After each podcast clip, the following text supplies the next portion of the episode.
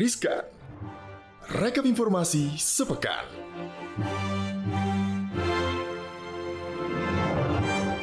Halo Sobat Cuan. Hai. Apa Seperti kabar, biasa. Sobat Cuan?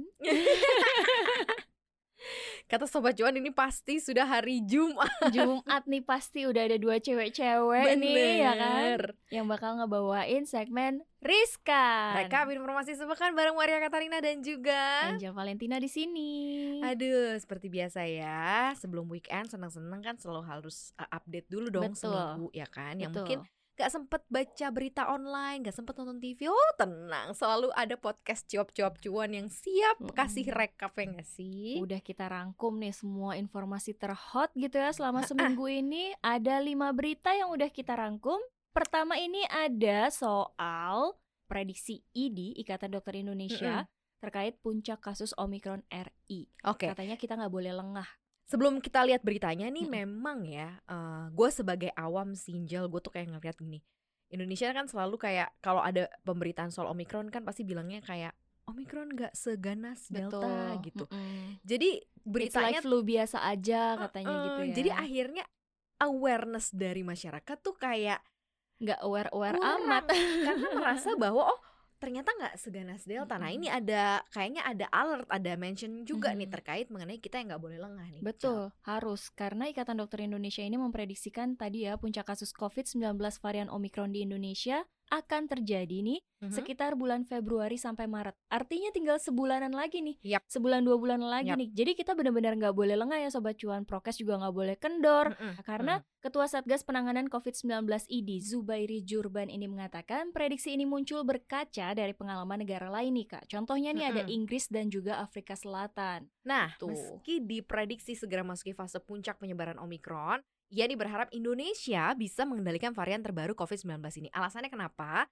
Karena Indonesia ini punya pengalaman bagus saat berhasil menurunkan tingkat kasus terkonfirmasi positif dari 44% di Juli Agustus 2021 jadi kurang dari satu persen di Oktober.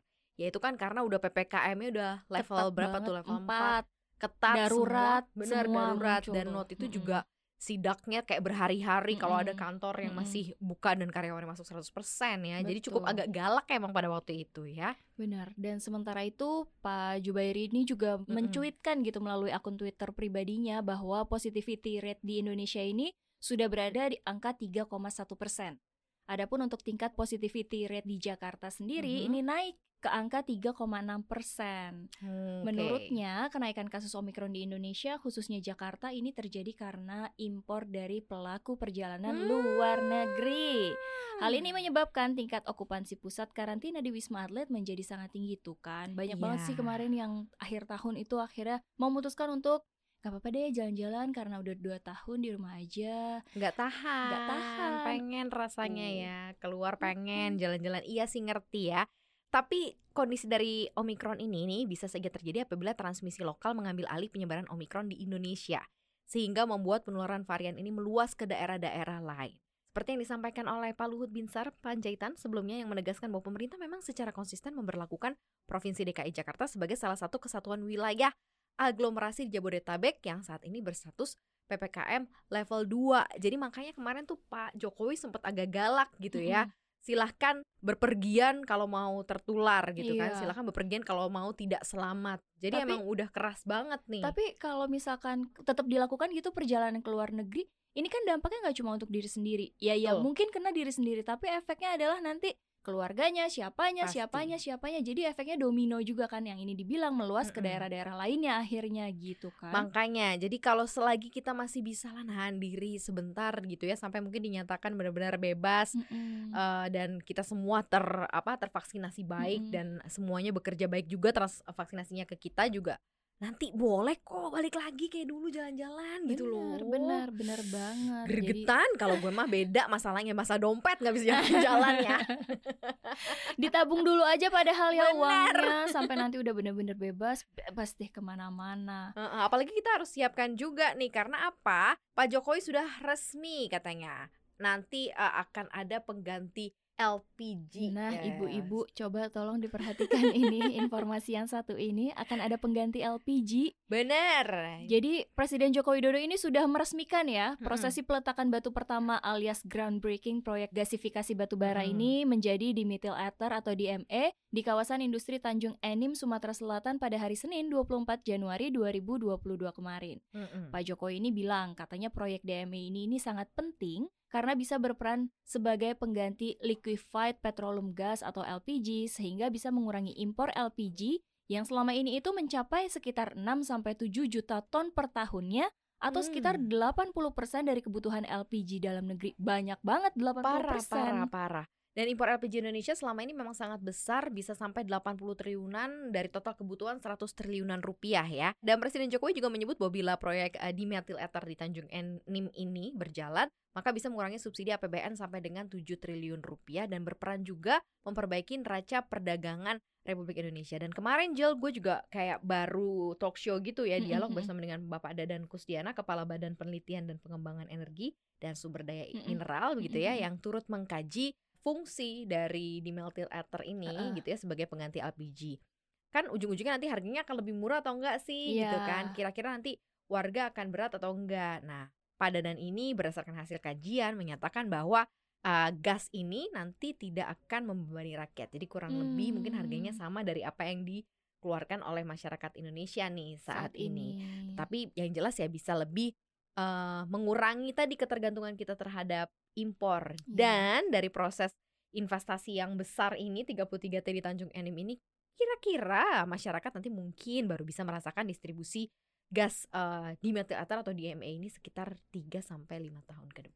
Betul. Jadi kalau misalkan dimulai Januari 2022 ini berarti Mm-mm. artinya proyek DME ini, ini sudah bisa beroperasi Betul. dan mulai disalurkan ke masyarakat paling cepat sekitar pertengahan 2024 gitu ya artinya ya. Mm-mm. Jadi siap-siap ya mulai 2024 mendatang nih bisa menggunakan produk pengganti LPG ini. Mm-mm. Tapi- Mudah-mudahan sih menyeluruh ya Karena dibilang sama Amin. Pak Dadan Katanya yang pertama kali nanti akan menggunakan sih Warga di wilayah sekitar uh, Sumatera ya Ya, karena mereka-mereka inilah yang Mm-mm. ada di situ gitu ya. Sekitaran itu ya di Tanjung Mm-mm. Enim Ya gak apa-apa lah gitu ya.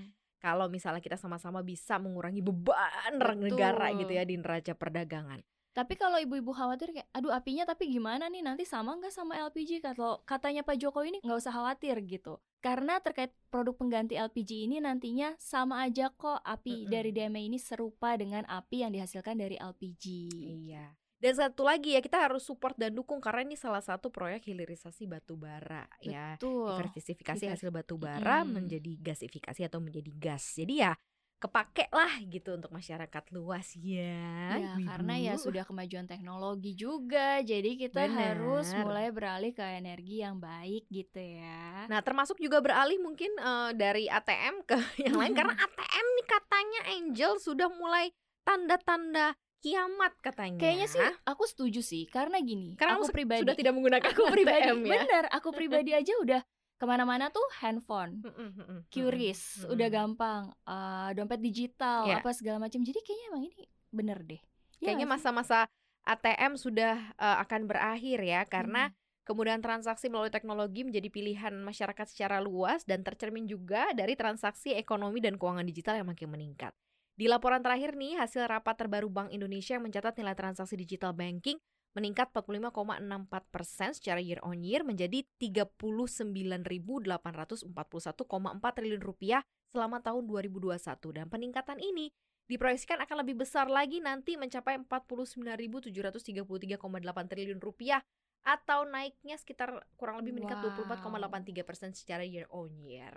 wow peningkatan Hmm. ini tentunya nggak lepas ya dari perilaku masyarakat kayak Ya. aku tadi ya yang lebih memilih berbelanja online atau daring dibandingkan dengan konvensional dan di sisi lain Nilai transaksi uang elektronik juga tumbuh pesat nih hingga 49,06 persen Uh, year on wow. year, mencapai 305,4 triliun rupiah di 2021 dan diproyeksikan akan meningkat 17,13 persen year on year hingga mencapai 357,7 triliun rupiah untuk tahun ini. Hmm, salah satu yang dilakukan Bank Indonesia dalam mendorong akselerasi digitalisasi sistem pembayaran dengan memperluas penggunaan QRIS ini ya. Diharapkan pada tahun ini pada pulu, pada akan ada puluhan juta orang pengguna baru Berapa Layanan banyak? Nah, banyak untuk ya. mencapai target 15 juta pengguna baru, Bank Indonesia ini akan memperluas fitur-fitur QRIS ini hingga melakukan kerjasama antar negara di Wow, dunia. Gitu. Gila. Emang kalau eh, apa ya istilahnya nggak perlu nggak pedulilah ATM ya kan? Iya. Yang penting isinya.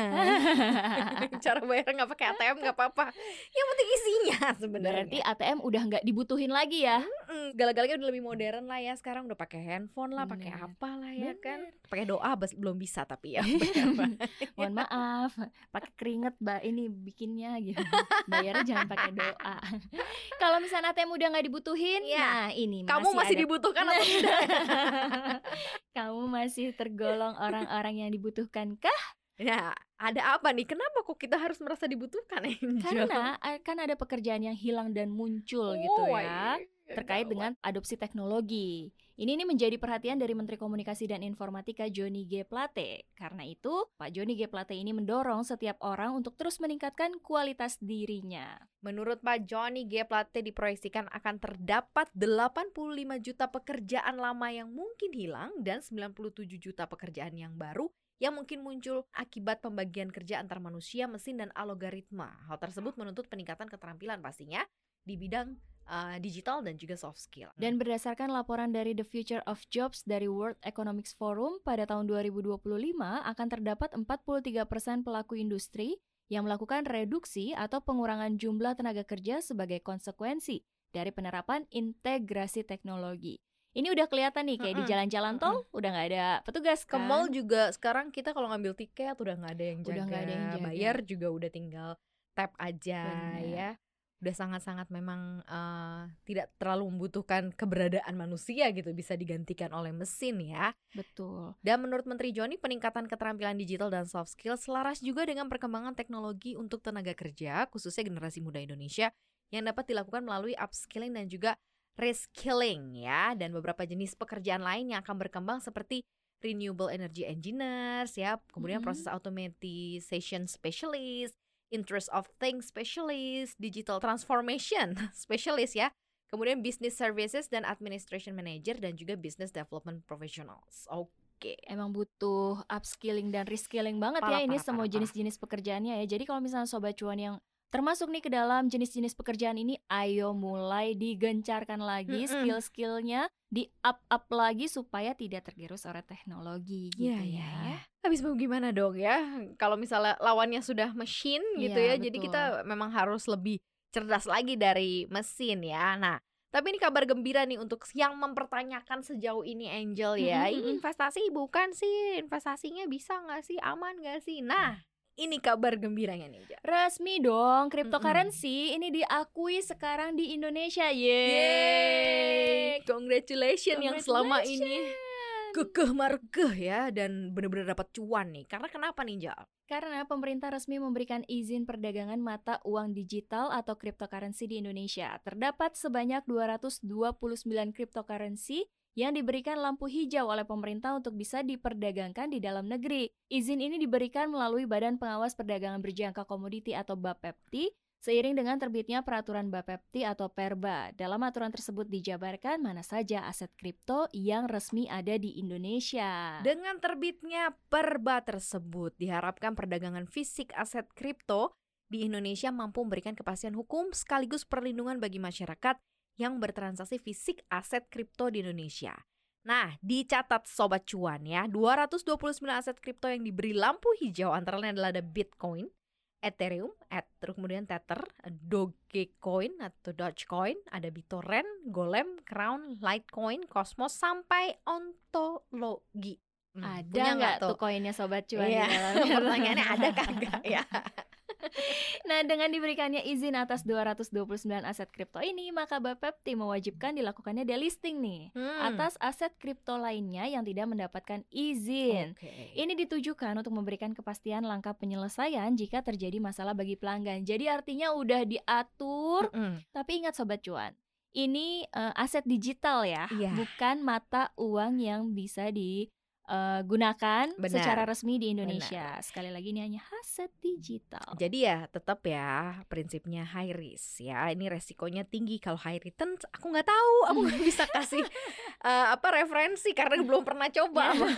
returnnya tinggi atau enggak ya mungkin bisa berguru sama yang udah ahlinya ya di Betul. dunia cryptocurrency oke segitu aja beberapa poin-poin penting yang mungkin sobat cuan terlewatkan sepanjang minggu ini mudah-mudahan ini juga jadi amunisi bisa semangat lagi setelah tahu ini begitu ya dan bisa berubah nih minggu depan akan lebih baik lagi kehidupan sobat cuan Amin, ya Amin, amin. Kalau gitu Sobat Cuan jangan lupa ya untuk terus upgrade diri kalian dengan sejumlah informasi yang udah kita siapin, udah kita rangkum untuk kalian semua di podcast Cuap Cuap Cuan. Bisa kalian dengerin di Spotify, Apple Podcast, Yes, Google yes. Podcast, dan juga Anchor. Jangan lupa follow akun Instagram kita yuk cus follow langsung di @cuap underscore cuan dan bisa langsung dong subscribe YouTube channel kita Angel ya Iya.